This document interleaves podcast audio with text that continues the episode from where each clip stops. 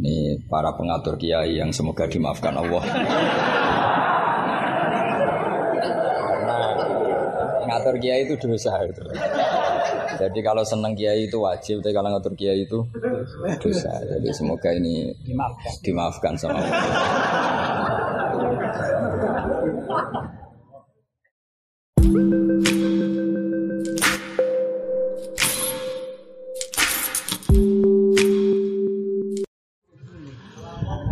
Sahabat-sahabat sekalian yang berbahagia, eh, rasanya sulit untuk memperkenalkan siapa beliau. Eh, satu, karena beliau memang sudah terkenal. Saya selalu bersyukur kepada Allah Subhanahu wa taala yang telah menciptakan YouTube yang memungkinkan orang-orang yang tidak dilirik TV bisa masuk ke sana sehingga kita bisa mengambil banyak manfaat dan ilmu dari beliau. Ya beliau sangat terkenal sekali ya kalau di YouTube. Saya sering eh, lumayan sering mengikuti pengajian-pengajian eh, dari kiai. Cuma kalau boleh kritik langsung kritik aja ya kiai. Jangan terlalu banyak jawanya.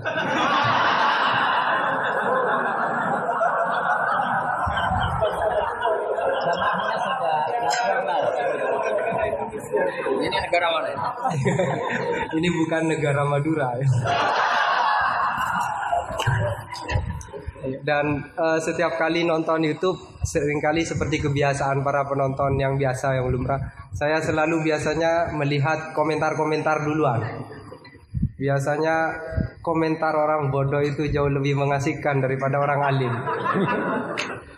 Jadi sedalam apa pun penjelasan dari Gus Baha atau dari kiai-kiai kita, tetapi kemudian dikomentari oleh orang bodoh di bawahnya, itu menjadi tiba-tiba sangat menarik, lebih menarik.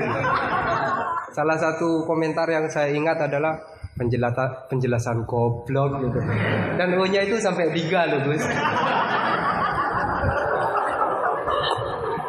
Selepas kasus Gus Wafik, katakanlah kalau itu kasus ya, eh, itu kan langsung dikasih tanda silang. Nah konon berikutnya adalah kiai yang sedang hadir kita ini. itu sudah siap diincar akan dikasih silang juga ya. Mudah-mudahan hafizahullah. Tapi semoga Allah selalu menjaga beliau disehatkan terus amin sehingga kita bisa banyak eh, terus berdiskusi dengan beliau. Jadi tadi di WA itu beliau katanya mau hadir di sini dan saya kebetulan ditunjuk tolong jadi moderatornya katanya. Eh temanya apa? Temanya fikih dan tafsir. Saya takut kembali apa tafsir dan fikih.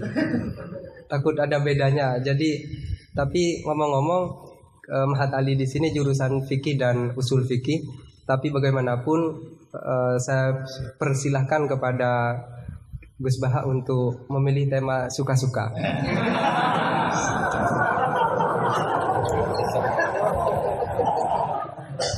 Kepada beliau kami haturkan waktu juga suka-suka tapi tidak boleh lebih dari satu jam. Assalamualaikum warahmatullahi wabarakatuh. Rabbi zidni ilma Allahumma shalli wa sallim ala sayyidina Maulana Muhammadin wa ala alihi wa sahbihi asma'in amma ba'du. Ini para pengatur kiai yang semoga dimaafkan Allah. Karena ngatur kiai itu dosa itu. Jadi kalau senang kiai itu wajib, tapi kalau ngatur kiai itu dosa. Jadi semoga ini Dimaafkan. dimaafkan sama Allah.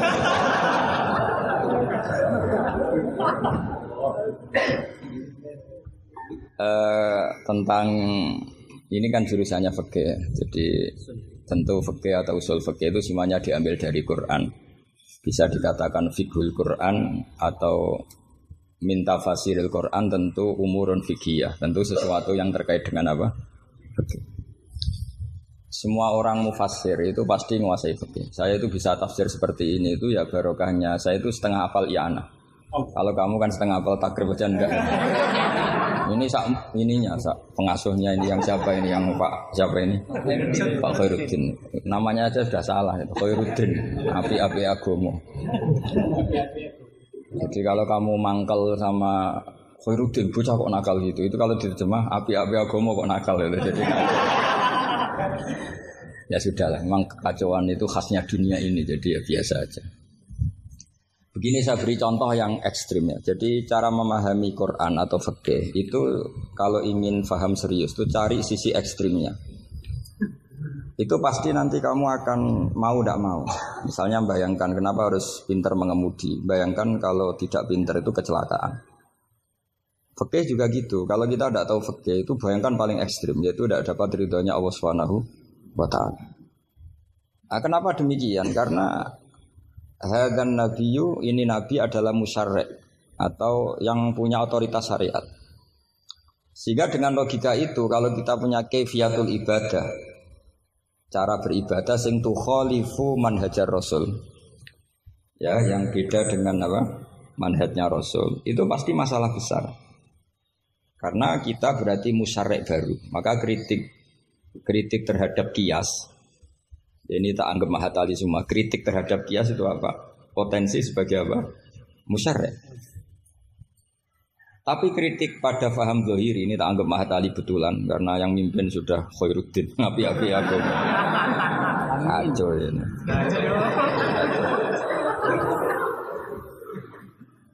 Jadi misalnya begini. Sesuatu yang sama itu kadang berdasar riwayat itu ketentuannya beda.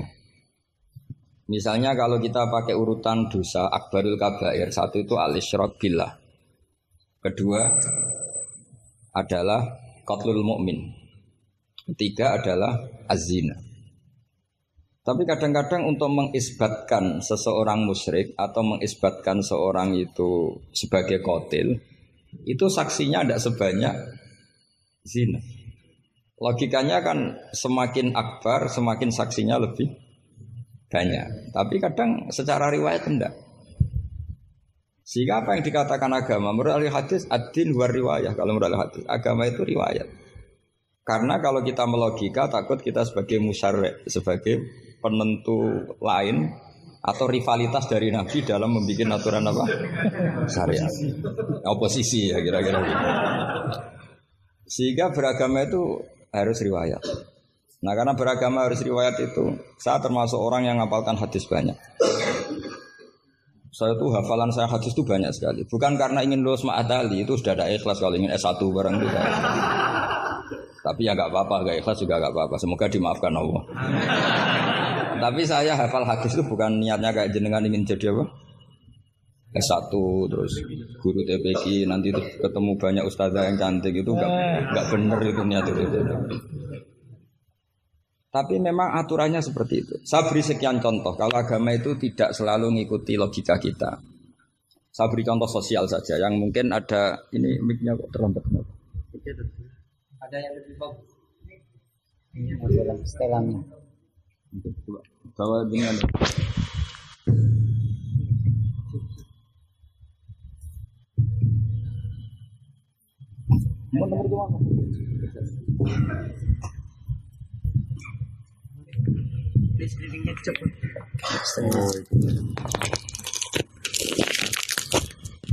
Amin Gus.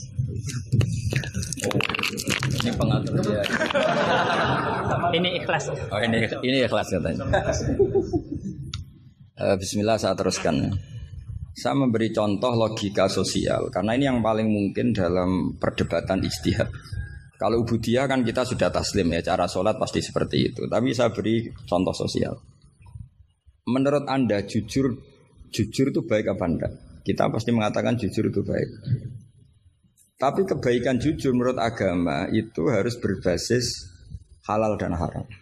Begitu juga senyum, begitu juga komitmen itu setelah halal haram. Tadi saya sudah bilang sama Gus Hasan Sadili, akhlak itu di bawah hukum. Andai kan senyum itu ibadah, itu orang-orang nakal yang rayu lelaki hidung belang itu semuanya tukang senyum.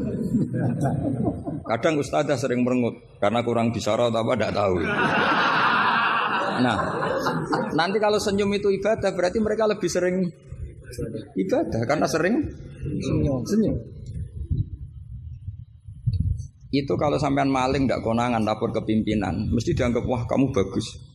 Karena maling tidak konangan. Tapi ya bagus dalam konteks maling. Kamu judi kemudian kalah, kamu bayarkan sama yang menang. Kamu ya dipuji pejudi yang baik. Karena berkomitmen. Nah kita tidak pernah tahu sebetulnya kata baik itu harus berbasis syariat. Sehingga gak, kita tidak pernah muji senyum itu baik, berkomitmen itu baik kecuali ba'da'an wa faqadzalika kullu syariat Rasulullah sallallahu alaihi wasallam. Sehingga istrinya Nabi itu diajarin syariat itu beda dengan logika. Jadi kalau mbak-mbak ini yang cantik itu sering senyum sama Ustadz ini Pak Khairuddin itu haram. Karena dia pasti GR dianggap cinta. Nah, itu kesunatannya merengut itu secara agama kesunatannya itu merengut. Apa bahasa Maduranya merengut tuh? Maromo. Saya beri contoh, tidak betapa agama itu riwayat. Ya nisa an nabi lastunna ka ahadim minan nisa ini taqaitunna fala takhdu'na bil qawli fayatma alladhi fi qalbihi marad Wahai para istrinya Nabi, jika kamu ngomong sama lelaki lain, fala takhdokna bil qawli, jangan terlalu sopan. Takhdokna itu dari kata khudu. Karena kesopanan seorang perempuan cantik pada lelaki yang nggak benar itu mesti ditafsirkan yang macam macam-macam. Jadi kalau mbak-mbak cantik bilang, monggo Pak Ustadz Khairuddin mampir ke saya. Wah pikirannya, meskipun Ustadz itu mesti pikirannya ke mana-mana. Padahal tujuannya mbak-mbak itu mau tanya bab istikhadah. Tapi ini mesti nggak Khairuddin lagi pasti. Sudah agak-agak Sarudin. Sudah otomatis. Sehingga sehingga aturan Quran jelas. Kebaikan khudu, kebaikan sopan itu harus ada ukurannya. Karena takutnya faya toma alladhi fi qalbihi marad. Orang yang hatinya sakit melihat senyumnya perempuan yang niatnya sopan sekalipun ditafsirnya yang macam macam-macam. Itu juga fikhul Quran. Makanya basis kita adalah mengenali fikih itu halal haram dulu secara riwayat. Seorang lagi secara riwayat, jangan secara akal. Kalau selalu pakai akal, mungkin kita naif. Misalnya begini, ayam yang menurut misalnya pakar kesehatan dianggap terindikasi flu burung. Sementara bekecot yang menurut madhab syafi'i haram, kemudian malah ditetapkan sebagai makanan bergizi. Andai kan kamu jadi mufti yang mengikuti ilmu ahli gizi atau, atau kedokteran. Kamu mengatakan apa coba? Terus kamu sok ahli usul fikih karena mahatali baru. Masih seneng-senengnya dalil al hukmu ya duruma ilatihi wujudan makan masih amatiran masih. Wah ini bekecot ini ilatul hukmi sudah nafu ya memberi manfaat. Yang sementara ayam itu doror karena apa? Mengandung apa? Flu burung. Wah berarti yang bekecot halal yang ayam haram. Kalau kamu bilang gitu kan takut bela minamikum. Bisa dicoret dari daftar dai. Kalau saya seperti yang dikatakan MC saya tidak pernah takut suatu saat tercoret apa tidak, pernah takut karena kita sudah biasa belajar ilmunya wali. Artinya belajar ilmunya wali ya nomor satu cari ridhonya Allah. Saya tidak pernah ingin terkenal dan kalau saya terkenal kok termasuk dosa, yang dosa yang menterkenalkan karena saya tidak pernah. Jadi fahisabuhum ya ala alaihim bukan alayya. Kalau Allah mau menghisap ya yang kurang penggawean itu. Ya kalau yang saya ngajikan itu baik, yang dapat pahala yang terkenalkan itu. Karena mereka sudah tidak bisa dapat pahala lewat alimnya, ya sudah nge-share saja. Daripada niru alimnya berat ya sudah nge-share aja. Ya.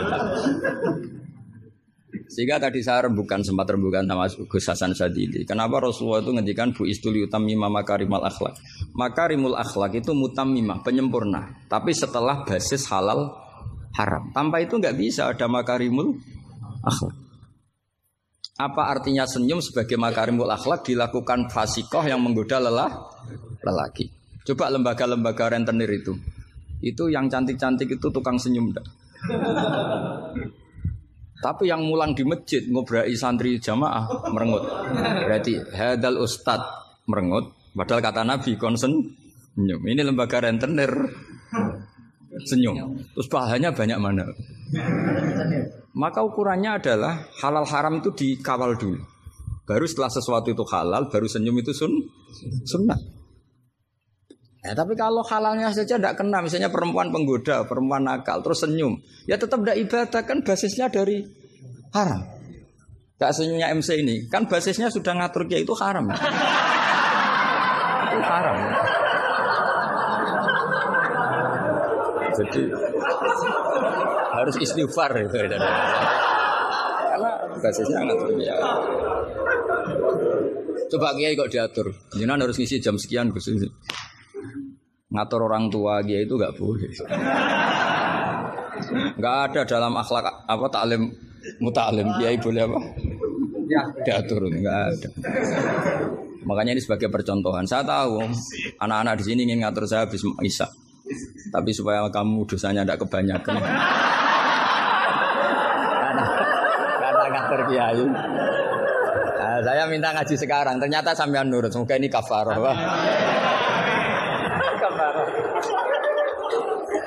Nggak rileks saja karena khasnya ngaji santri itu rileks. Mulai dulu lama kalau ngajar tuh ya rileks. Saya masih ingat jawabannya Mbah Mun. Aku itu sering dikritik orang. Kata Mbah Mun, saya sering dikritik orang kalau ngaji itu guyon. Kamu tahu kan, saya kina Mbah Mun kalau ngaji kan sering guyon. Banyak Kiai khusyuk yang kritik saya. Kiai kok kalau ngaji guyon. Kata Mbah Mun gini, yang nggak bisa guyon itu karena ilmunya pas-pasan. Jadi melihat kitab itu sudah meruntus itu, sudah grogi. Jadi nggak ada waktu untuk guyon. Jadi roh roh kitab, apalagi dilihat orang banyak, ilmunya kan pas-pasan. Itu pasti nervous dulu itu. Jadi justru kiai guyon itu bukti alim karena masalahnya seles selesai. Lo coba kalau kamu udah alim ngaji, mbok ahli guyon kayak apa bisa guyon ndak? Oh meriang ini ya jibu ya jibu ini sudah pusing. Ini ala kulli mukallafin apa mukallifin sudah pusing lagi. Lama-lama tadi, faman mau kote sapane wong saroko nyolong sopoman albedo tangi anduk. Sampai muridnya bingung. Pak, saya punya anak endok. Karena ejaan Latin itu kalau tulisan pegon itu anduk sama endok itu sama. Nah, dia bacanya albedo itu bukan endok tapi apa? Anduk. Terus kata kiainya karena agak mau kalah. Kan sama, nyuri telur ya haram, nyuri anduk ya haram karena karena nggak mau kalah kan. Karena temanya mencuri apa? Mencuri ndok sama andok kan Sama-sama. sama-sama haram. Yang repot walillahi mulkus sama wajal ardi Allah punya langit wal ardi lan bom. kan. Karena dia bumi dia bacanya bom. Ketika diprotes ya sama. Langit dan bom kan ya sama milik Allah. Wah ya repot. Ada, orang seperti itu. Jadi untuk mengkaji untuk mengkaji fikhul Quran itu pastikan status halal haramnya dulu. Tanpa itu basis makarimul akhlak tidak bisa. Seperti tadi, kesunatan senyum bagi seorang perempuan itu harus berbasis halal pada orang yang halal. Kalau ndak ya tadi fala takhdu'ana bil qawli fayatma alladzi fi qalbihi. Kalau istrinya Nabi saja punya aturan nggak boleh senyum-senyum baik-baik sama lelaki yang nggak jelas-jelas begitu, apalagi yang nggak istrinya, itu sudah tak tafsirkan. Dia tadi mbak-mbak yang senyum pada Ustadz Khairuddin mau tanya istikhadah, tapi mesti GR-nya ini, wah berarti seneng saya. Itu kan parah. Itu fayat ma'alladhi fi. Kalau marodonya santri paling banter ingin dinikah. Kalau marodonya orang nakal, Kan lebih dari itu keinginannya. Nah makanya ngaji fikih itu harus minimal itu ya mu'in, i'ana itu setengah hafal. Kenapa saya syaratkan setengah hafal? Kata ulama-ulama, belajar ilmu itu gampang. Kata beliau-beliau itu at-ta'ahul lil torfi, ya, belajar sebagian tapi sampai ta'ahul, sampai ahli betul. Semal ihtidak bibagi. Kemudian dari kamu ahli itu, pola-polanya akan kamu ketahui. Karena ilmu itu mesti polanya sama. Ya polanya itu sama. Misalnya begini, hukumnya bohong itu apa? Tidak sama jawab hukumnya bohong. Haram lah itu termasuk amatir sama belajar usul pakainya amatir. Keliru, keliru. Kalau kamu jawab bohong itu ada yang wajib. Ada perempuan mau diperkosa sama orang fasik, lari sembunyi di rumah kamu. Terus orang fasik tadi tanya ke kamu, apa ada perempuan ke sini? Kamu wajib bohong, apa wajib jujur? Wajib bohong. Makanya ini, ini salah asuh ini mesti. Ini. Maka kalau dalam analisis usul fikih, al-kitsbu ya'tarihil ahkam al-khamsah. Dalam bohong pun ada ahkam al-khamsah. Dan itu Nabi sudah memberi isyarat. Tidak termasuk bohong orang yang mendamaikan dua kelompok, dua kelompok. Ada sekian contoh yang bohong itu nggak dihitung, nggak dihitung dosa. Makanya hadat din ini butuh riwayat. Kalau menurut logika bohong itu haram. Tapi misalnya ada seseorang fasikoh, misalnya lonte nakal, jajan sama hidung gelang. Malam ini tak booking kamu tak bayar. Itu wajib nepati apa wajib ingkar itu Pak? Kalau kamu bilang nepati janji itu wajib, berarti ini wajib. Maka sudah saya bilang tadi saya bukan sama Gus Sadeli. Coba ajarkan bahwa baiknya nepati janji, baiknya senyum itu harus berbasis halal dulu. Kalau senyum yang melakukan perayu fasiko, ya jadinya haram. Nepati janji yang melakukan fasiko ya jadinya haram karena janjian untuk melakukan perzinaan misalnya. Nah ini kamu harusnya fikihnya Mahatali harus seperti itu. Jangan nurut Pak Khairuddin ini apa ini amatir. Masalah. Masa kenal saya baru ini sudah ngatur. Ini harus sepakat yang ngatur kiai itu dosa. Wong guru saya aja jarang ngatur saya kok orang lain ngatur. Itu Mbah Mun kalau nimbali saya mesti bahak takoi nak pas nganggur konrene. Ini ndak ngundang tanggalnya, jamnya diatur. Semoga Allah mengampuni.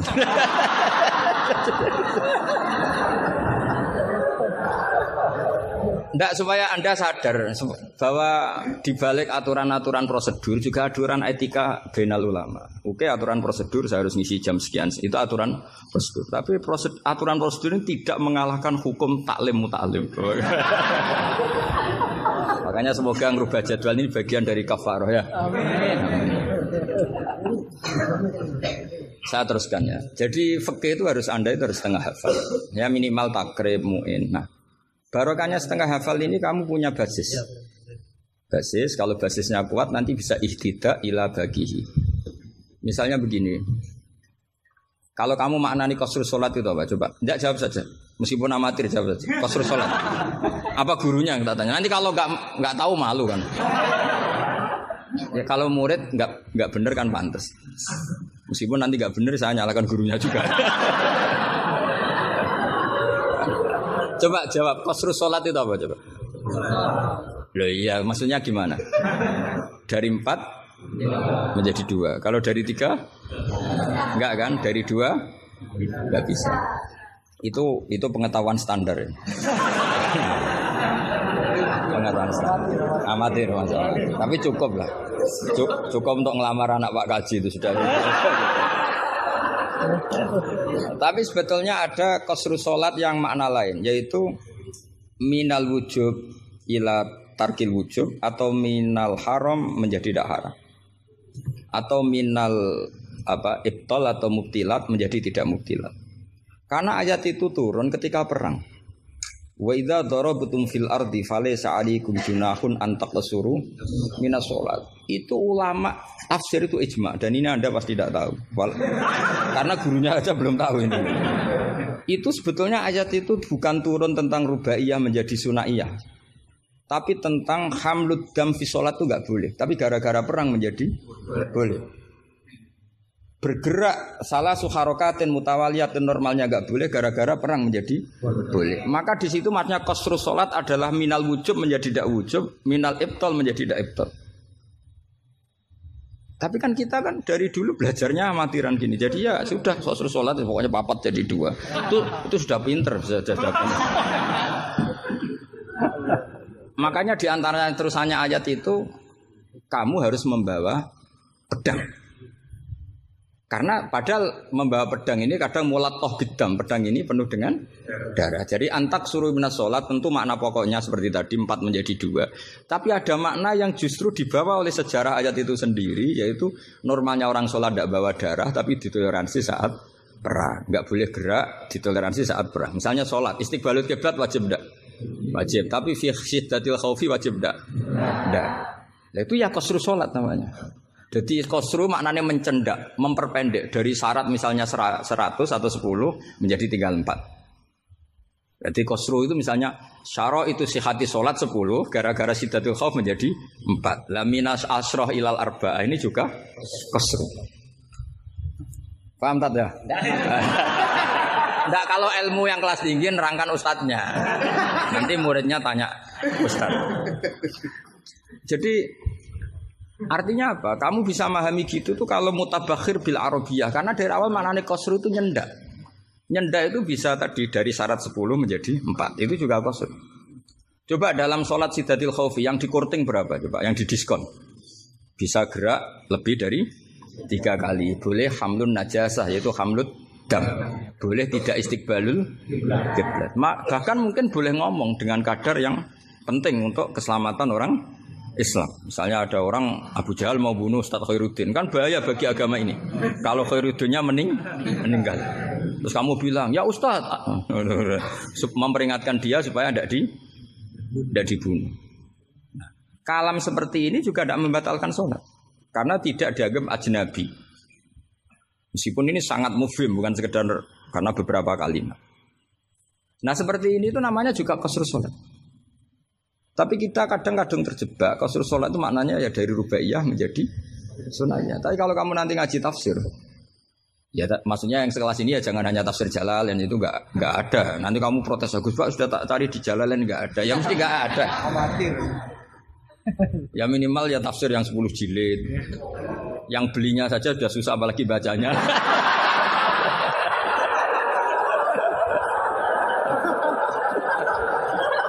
kan yang belinya aja sudah susah apalagi bacanya. Tapi kan sekarang ada Ya, kalau pakai maktabah Samila itu kitab bakhil itu namanya. Orang kok gak mau modal itu. Beli HP 3 juta mau, pas mau beli kitab hanya pakai maktabah Samila. Itu berapa harganya? 20 ribu. itu kriminal menurut saya itu. Untuk calon ulama itu masalah.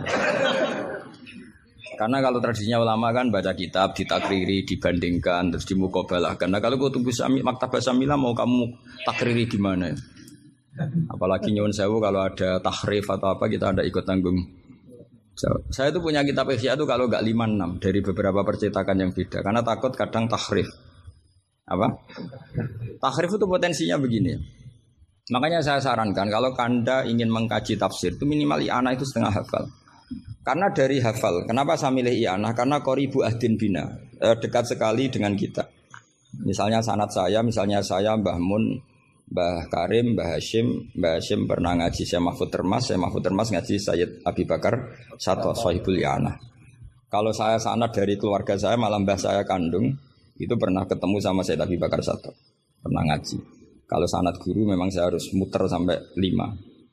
Di sebelah kiri juga sama, mbahnya istri saya namanya Mbah Murtado, sama mbahnya Mas Kamil itu pernah ngaji Sayyid Abi Bakar satu.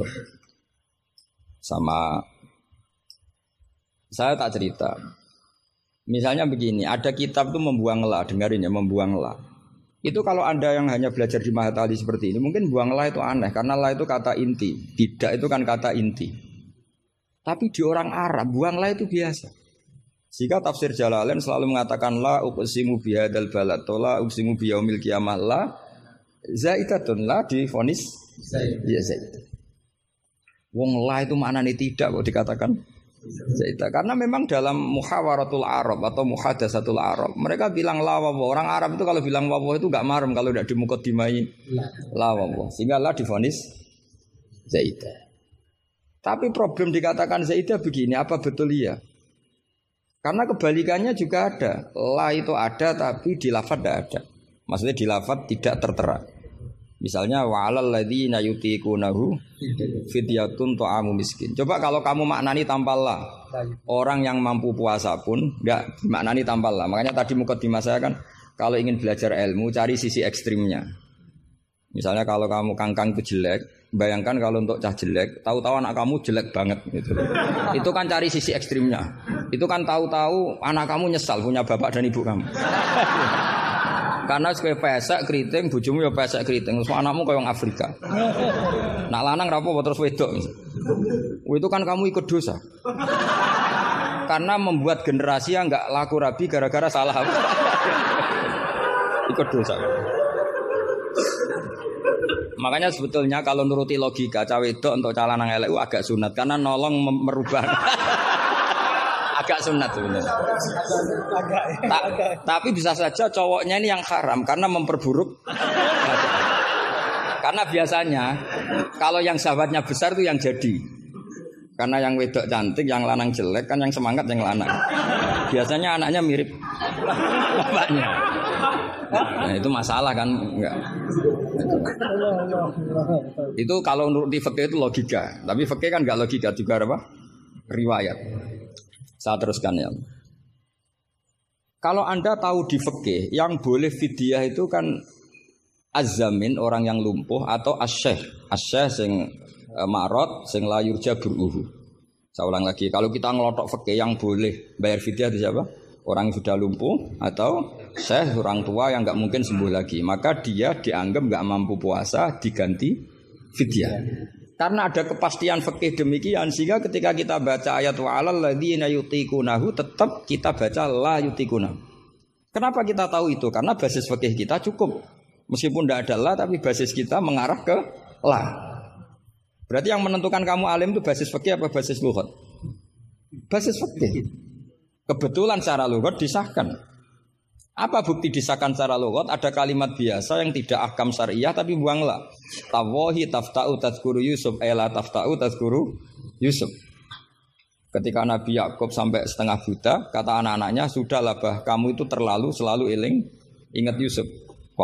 Tawahi tafta'u ela tafta'u artinya ada membuanglah di dialog-dialog biasa. Kalau dalam dialog biasa bisa dibuang, maka dalam hukum juga bisa dibuang kayak wa alal ladzina yutiqunahu fidyatun ta'am miskin. Ela yutikuna. Ada lagi contoh yang mesti membuang lah. Ini mujma'alah pasti.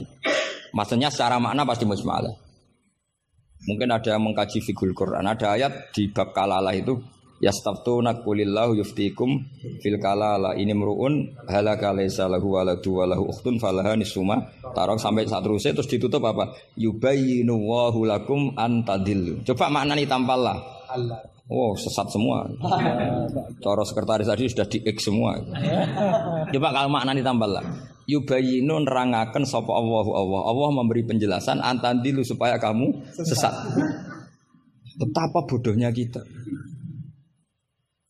Itu jelas menyimpan lah dan mujma'alah nggak mungkin kamu maknani tambah lah.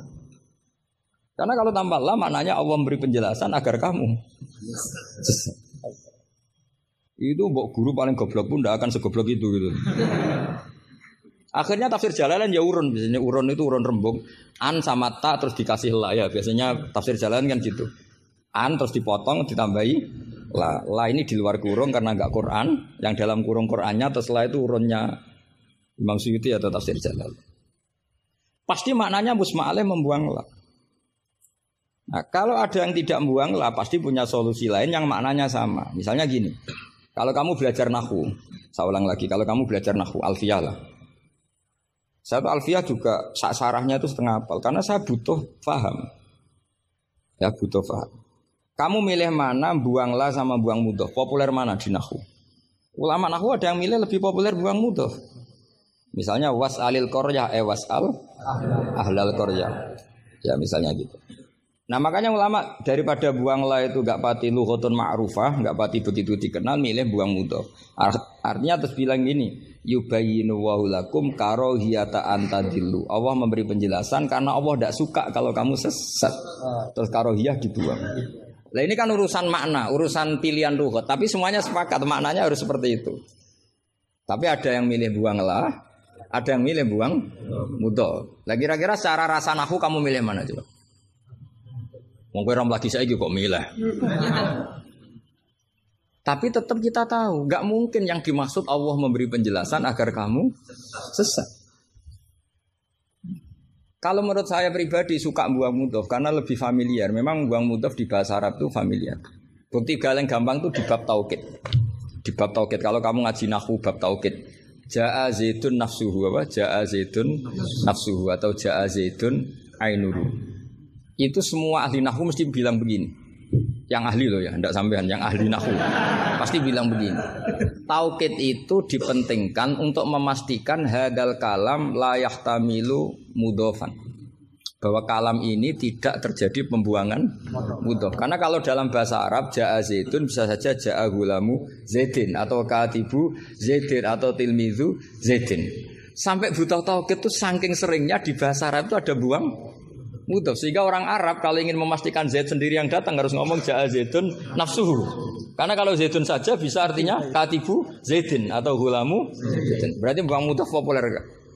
Populer sekali sampai ada bab taukid untuk menghilangkan kemungkinan itu saking seringnya apa? Saking sering. itu kalau kangkang sedang gaya itu kan wah saya rabi keluarga Ki Asad. Baru tanya keluarga yang mana? Ponaknya apa cucunya? Enggak candalem gitu. Karena gue gaya-gayanan kan harus ngomong seperti itu. Gitu.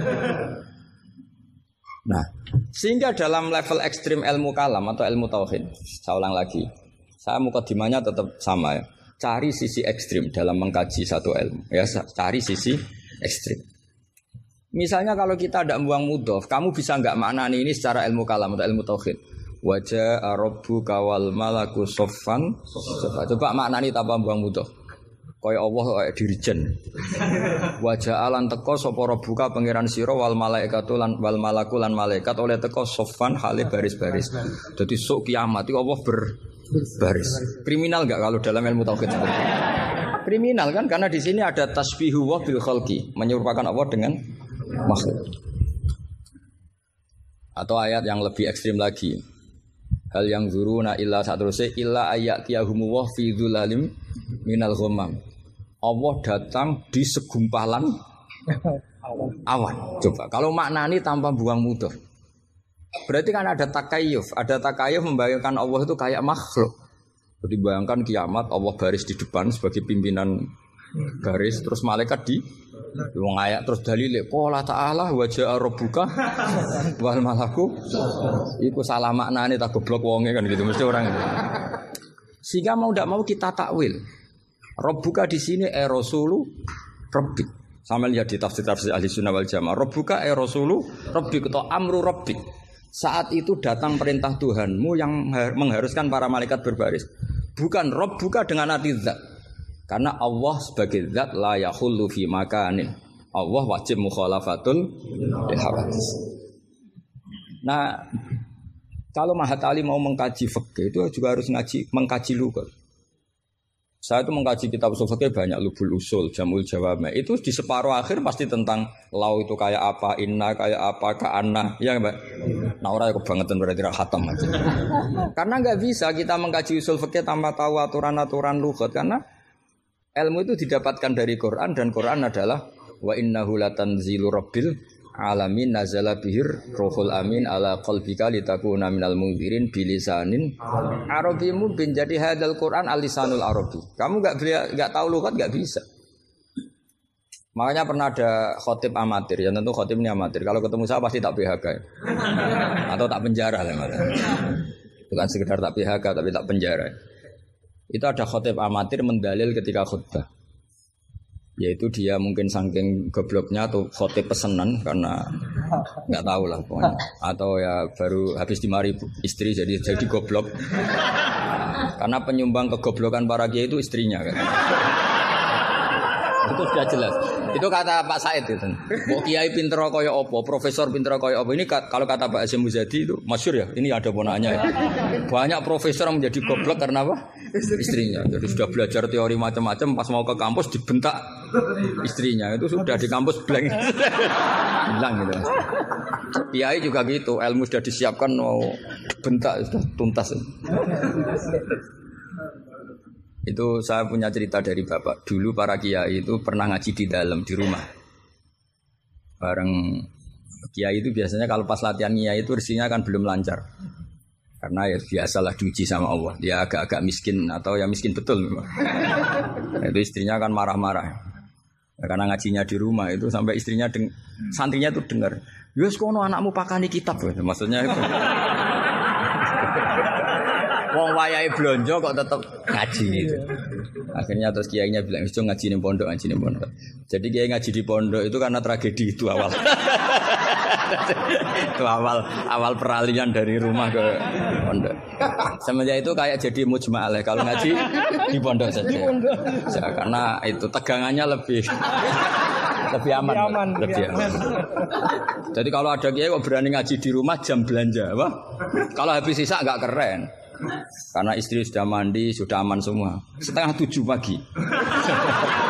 Itu kalau ada kiai berani ngajar di rumah jam-jam belanja itu tak puji. Apalagi berani di istri kedua, oh tambah hebat.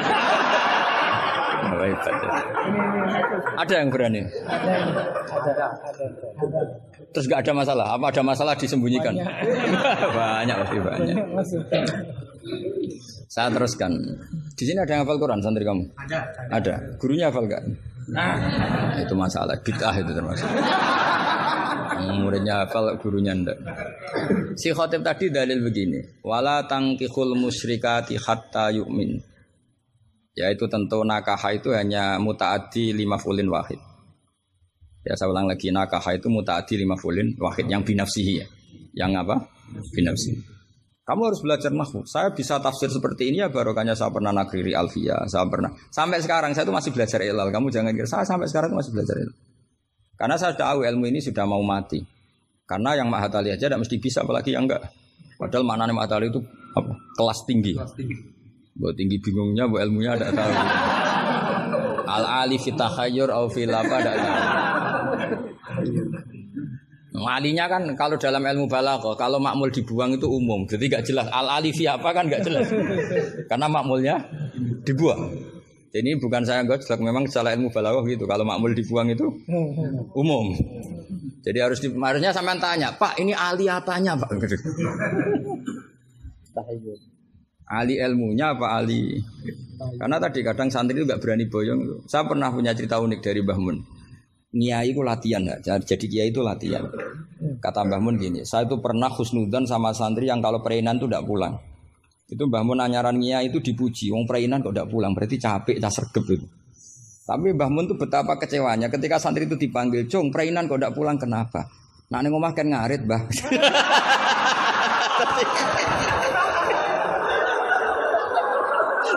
Jadi artinya Mbah Mun tuh kecewa karena khusnudannya itu nggak nggak tembus gitu. nah bisa saja sampai meneruskan Mahat Ali itu bukan karena nyari ilmu, tiba neng omah wopo gitu. jadi khusnudan itu ya kalau keterusan itu ya jadi goblok gitu. Saya enggak tahu, coba niat kamu Mahat Ali itu nyari ilmu apa daripada di rumah nggak jelas. Enggak usah dijawab itu sudah juga sudah dijawab. Ya wala tangkihul musyrikati hatta yu'min. Terus wala amatum mu'minatun khairum min musyrikati walau ajabatkum. Karena depannya wala tangkihu, berarti maknanya kan gini. Wala tangkihu lan ojo nekayo sira kabeh ayuhal mukminun karena khitabun lil jamil mudzakkar ya khitabun lil jamil mudzakkar. Al musyrikati yang pira-pira wedok musyrikah, perempuan musyrikah.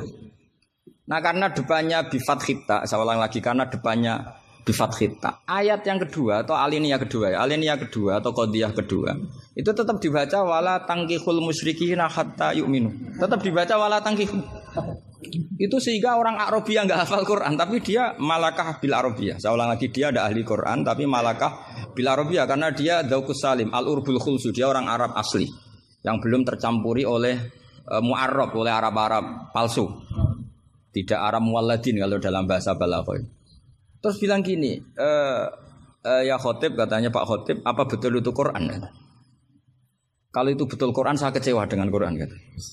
Karena maknanya menjadi gini, wala tangkihulan ojo nekai siro kabeh para mukmin lelaki, karena khitabun jamil muzakkar. Al musyrikina ing lanangan musyrik. Yang mau nikah sama lelaki musyrik itu ya siapa? Gitu. Mbok ndak usah dilarang ya ndak akan kita lakukan gitu. Mas, Artinya gini kan menjadi tidak mutu kan misalnya saya ngandani jenengan Cong Kang ini kan kalau di sini bahasa Madura Kang ya Kang sama. Kang kowe aja nikah Pak Khairuddin. Loh, enggak usah dilarang juga enggak akan kamu lakukan. Bisa muta-muta kamu kalau nikah sama lelaki kan gitu. Tapi kalau dibaca bifat khita maknanya seperti itu. Kalau bifat khita maknanya seperti itu. Maka semua ulama kuro ijma, saya ulang lagi ijma bacanya bidomit tak apa? Sehingga maknanya gini, wala tungkihu. Lan ojo nekahno siro kabeh poro wali. Terus maf'ul ulanya, maf'ul awalnya dibuang bana tikum ing piro-piro anak wedok siro kabeh. Atau mau takum ing wong wedok sing mbok waleni sira kabeh. Jadi hadil ayat khitabun lil aulia wala tungkihu ayyuhal aulia wala tungkihu lan aja nekahno sira kabeh para wali banatikum ing pira-pira anak wedon sira kabeh mbok nekahno al musyrikin ing lanangan musyrik itu baru benar. Kebetulan di Jumatan itu ada orang alim. Ya orang alim itu bisa saya, bisa Pak Herudin. Tapi andekan di polling pasti orang milih saya. Maksudnya sementara ini, tapi nanti nggak tahu saya. Kalau dia sergap terus nyalip saya nggak tahu. Tapi itu agak mohal itu. Agak mohal. Ya setidaknya mohal adatan, bukan mohal yang Ya ya, ya. mukhal ya ya. Mukhal kan. Mukhal adatan ya, bukan mukhal yang kotan tapi mukhal apa? Adatan. Ya, bukan mukhal aklan ya. Terus ada kiai bilang gini, ndak itu yang salah ndak Qurannya, khotibnya. itu semua Quran bacanya bidomit. Maka kalau sampean mengkaji Quran itu harus seperti ini, cari sisi ekstrimnya. Betapa fatalnya kalau kita salah harokat. Tapi dengan membayangkan gitu kan apa salah harokat kan buruk betul gitu karena maknanya jadi jadi parah ya bisa berubah. Sehingga kita lah, tapi karena orang kadang wala tangihu itu bifat kita terus belakangnya ikut dibaca hmm. wala tangihu coba kalau kena adzaukus salim minal urbil khulsi orang Arab yang masih murni itu eskal betul karena maknanya menjadi dan jangan kalian menikah sama lelaki muslim. Gua udah usah dilarang ya. Ya gak akan terjadi. Nah terus kembali lagi ke fikih. Jadi pastikan fikih dulu. Nah kalau fikih sudah dipastikan, kamu baru tahu tentang lughatul arabi atau istimalul arabi atau al-lughatul arabi. Tapi saya bahasakan lisanul arabi. Saya beri contoh terakhir. Ini kan kebetulan tidak dibatasi. Yang saya dibatasi saja mau mengakhiri ini, saya biasanya kalau ngisi ya 35 menit. Ini tinggal 5 menit. Ini terserah ustadznya, ada sesi tanya apa enggak? Kalau ada sesi tanya, resikonya yang goblok kita goblokin. Itu resikonya. Kedua, gurunya rata tanggung jawab. Nganti takok ngenteni ngundang kiai. Karena gurunya nakalan, belum dicucuk, belum dihormati, tapi kalau ada muskil nyewa kiai. Itu itu minsui adabi. Pasti guru yang enggak baik dicucup mau, dihormati mau. Ketika ditanya, doa Gus aja. Itu ndak akhlak yang baik. itu ndak akhlak yang baik. Lo tanyakan siapa saja itu akhlak yang nggak baik seperti seperti itu, ndak akhlak yang baik. Tapi kalau akhlak nggak baik itu kita ikhlaskan terjadi ya monggo. Tapi saya, saya maafkan tadi. Eh, begini misalnya, pastikan bahwa hukum fikih ini kan apa jurusan kamu kan fikih wa usuli. Dan katanya tadi fikih tafsir. Saya pastikan tafsir itu gampang. Pastikan kamu tuh alim fikih. Ya tadi minimal tuh setengah hafal ya. Tidak harus hafal betul, tidak mungkin. Nah, potongan sama itu tidak mungkin. Setengah saja. Ini bukan sultan, bukan sul yakin. Bukan bukan sultan, sul yakin. Kalau sultan masih baik, ya Sul yakin. Lo sama tidak usah tersinggung biasa aja. Wong saya hanya ngomong hati saya tetap khusnudzon. Bedanya ulama sama enggak gitu. Ulama itu rileks tapi hatinya salimal kolbi, salimas sarirah. Kalau orang munafik lesannya bagus tapi hatinya jelek. Jadi kalau saya lesannya bagus, terlalu bagus malah bahaya. Karena khasnya orang munafik tuh lesannya bagus. Wah, saya ngawur tuh masih ada ilmunya.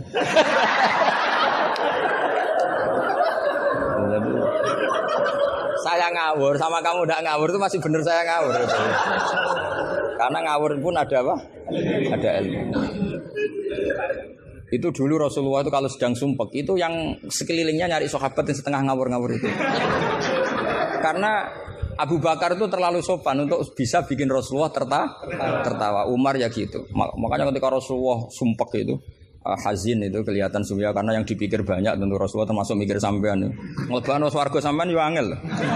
Karena kuota amalnya tidak cukup, tidak cukup. Sampai Rasulullah nangis-nangis minta hak safa. Kalau Nabi mikir diri sendiri sudah selesai mulai dulu. langsung masuk surga di depan. Yang agak ribet kan karena mikir nyafaati sampean-sampean itu. Kalau nyafaati saya agak agak ribet karena orang hafal Quran sudah dapat porsi sudah. Jadi sudah sudah nggak mati ribet. Yang ribet ini coba sampean atas nama apa coba? Kalau Loh, kalau Habib Husain kan atas nama cucunya. Kalau Ustadz Khairuddin atas nama ustadznya. Kalau Mbak Mbak atas nama kaum lemah. Kalau sampean coba. Coba atas nama apa tuh? Ustadz Afin. Ya, sudah ik- diikutkan partai lemah aja ya.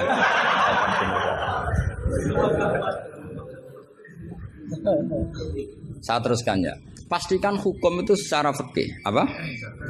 Kalau secara fikih kamu sudah hafal, nanti menakwil Quran, takwil itu bisa maknanya tafsir, bisa maknanya tahmil. Nanti saya jelaskan. Itu pasti gampang. Misalnya begini. Muharramatun nikah itu ada berapa coba? Kan ada tujuh. Yang bin nasab. Ya muharramat itu kan ada tiga sebetulnya. Muharramat, muharramat bin nasab jumlahnya berapa? Tujuh. Ada muharramat birodo jumlahnya juga tujuh. Ada muharramat bil musoharo karena bisanan. Ya karena apa?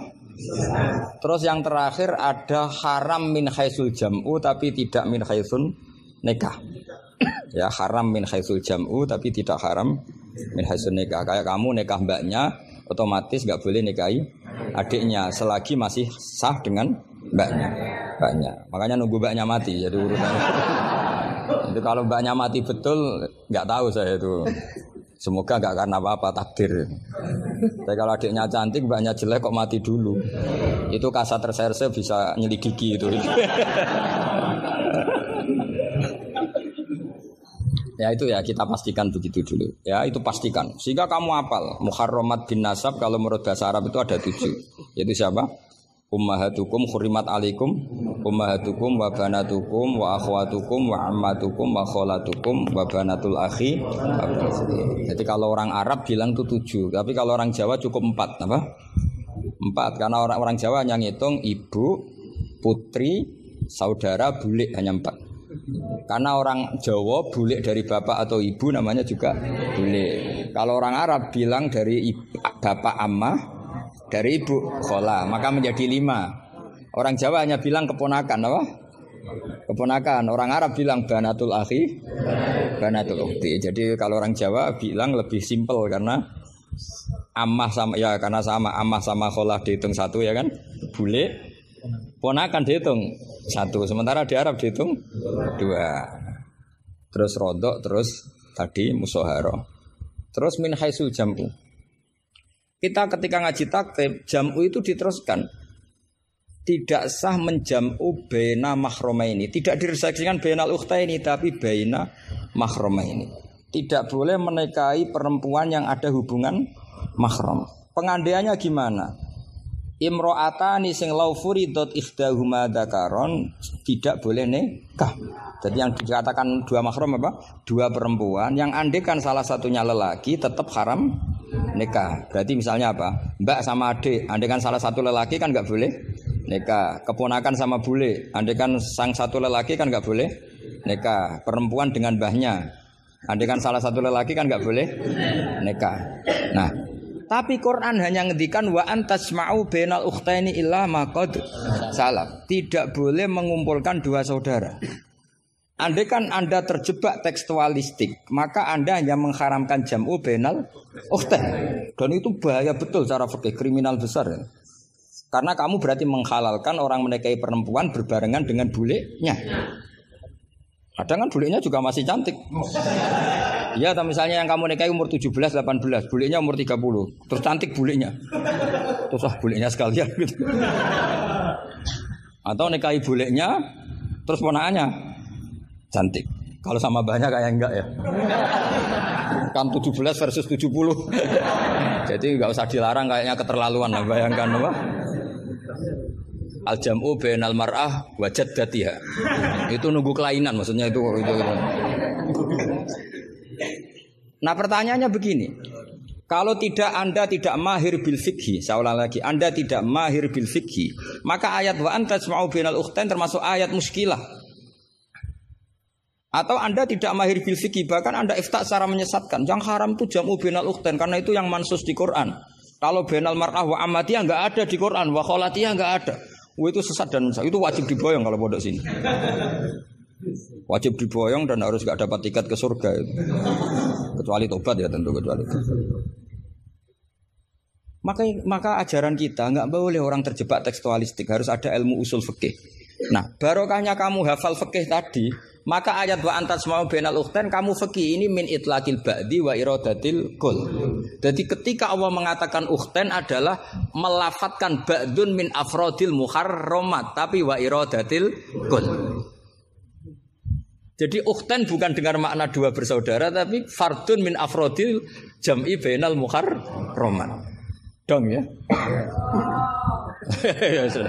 Jadi coba artinya kamu bisa maknani itu karena kemahiran dalam fikih sehingga tidak terjebak benal ukhtan. Makanya zaman Nabi Sugeng itu sudah menambahkan wala benal mar'ati wa ammatiha wala benal mar'ati wa kholatiha. Tapi Nabi memang nggak menambahkan wajad datiha. Karena Nabi tadi itu tahu lah itu hanya orang nggak waras yang bayangkan. Kan nggak usah dilarang juga pasti orang nggak akan melakukan itu. Lah. Kan misalnya yang kamu nikah kan rata-rata umur 20, mbahnya umur berapa coba? Ya sudah 70 kan? Enggak usah dilarang juga agak kebayang kan? Ya nunggu gak waras dulu kalau sampai kepikiran nikah ibahnya juga itu. Jangan buka lap ini katanya. Nah, jadi saya ulang lagi ya, kalau kamu ingin mengkaji apa?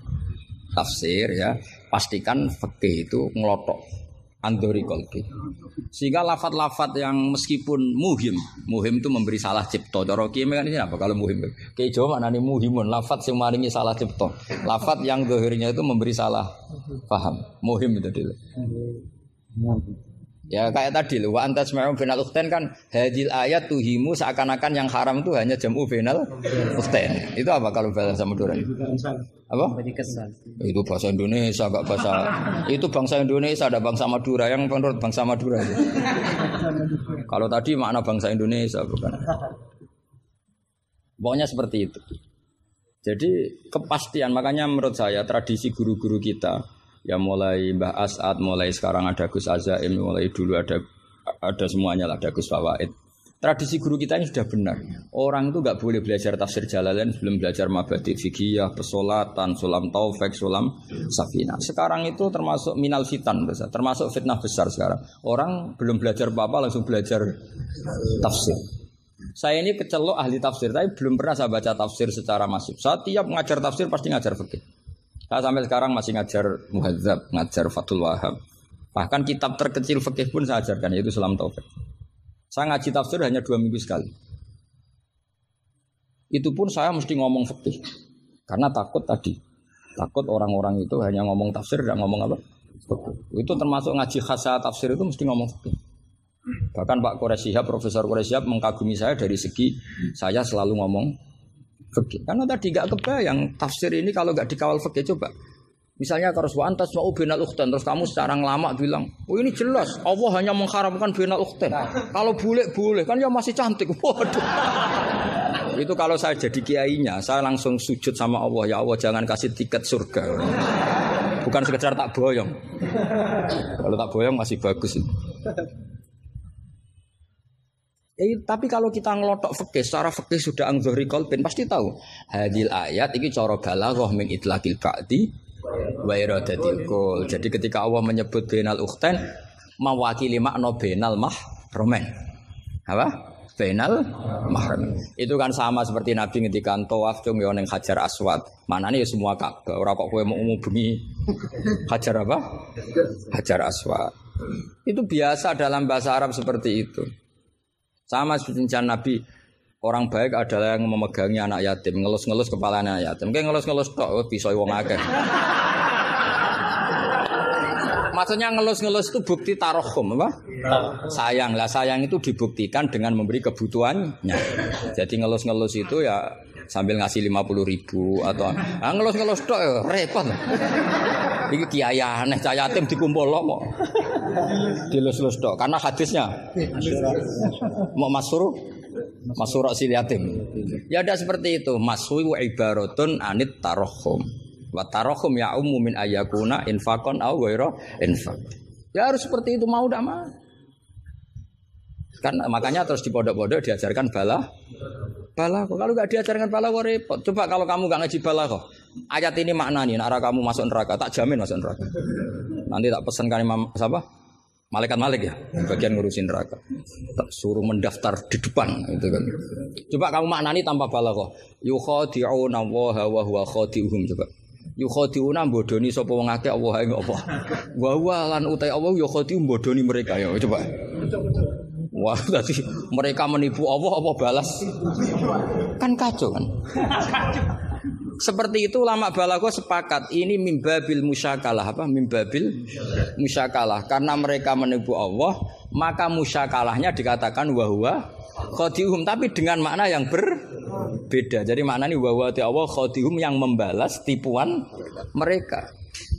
Padahal kata membalas itu udah ada di situ tapi kalau kamu maknani khodium dan Allah menipu mereka berarti kamu nyifati Allah sebagai itu kafir berat itu.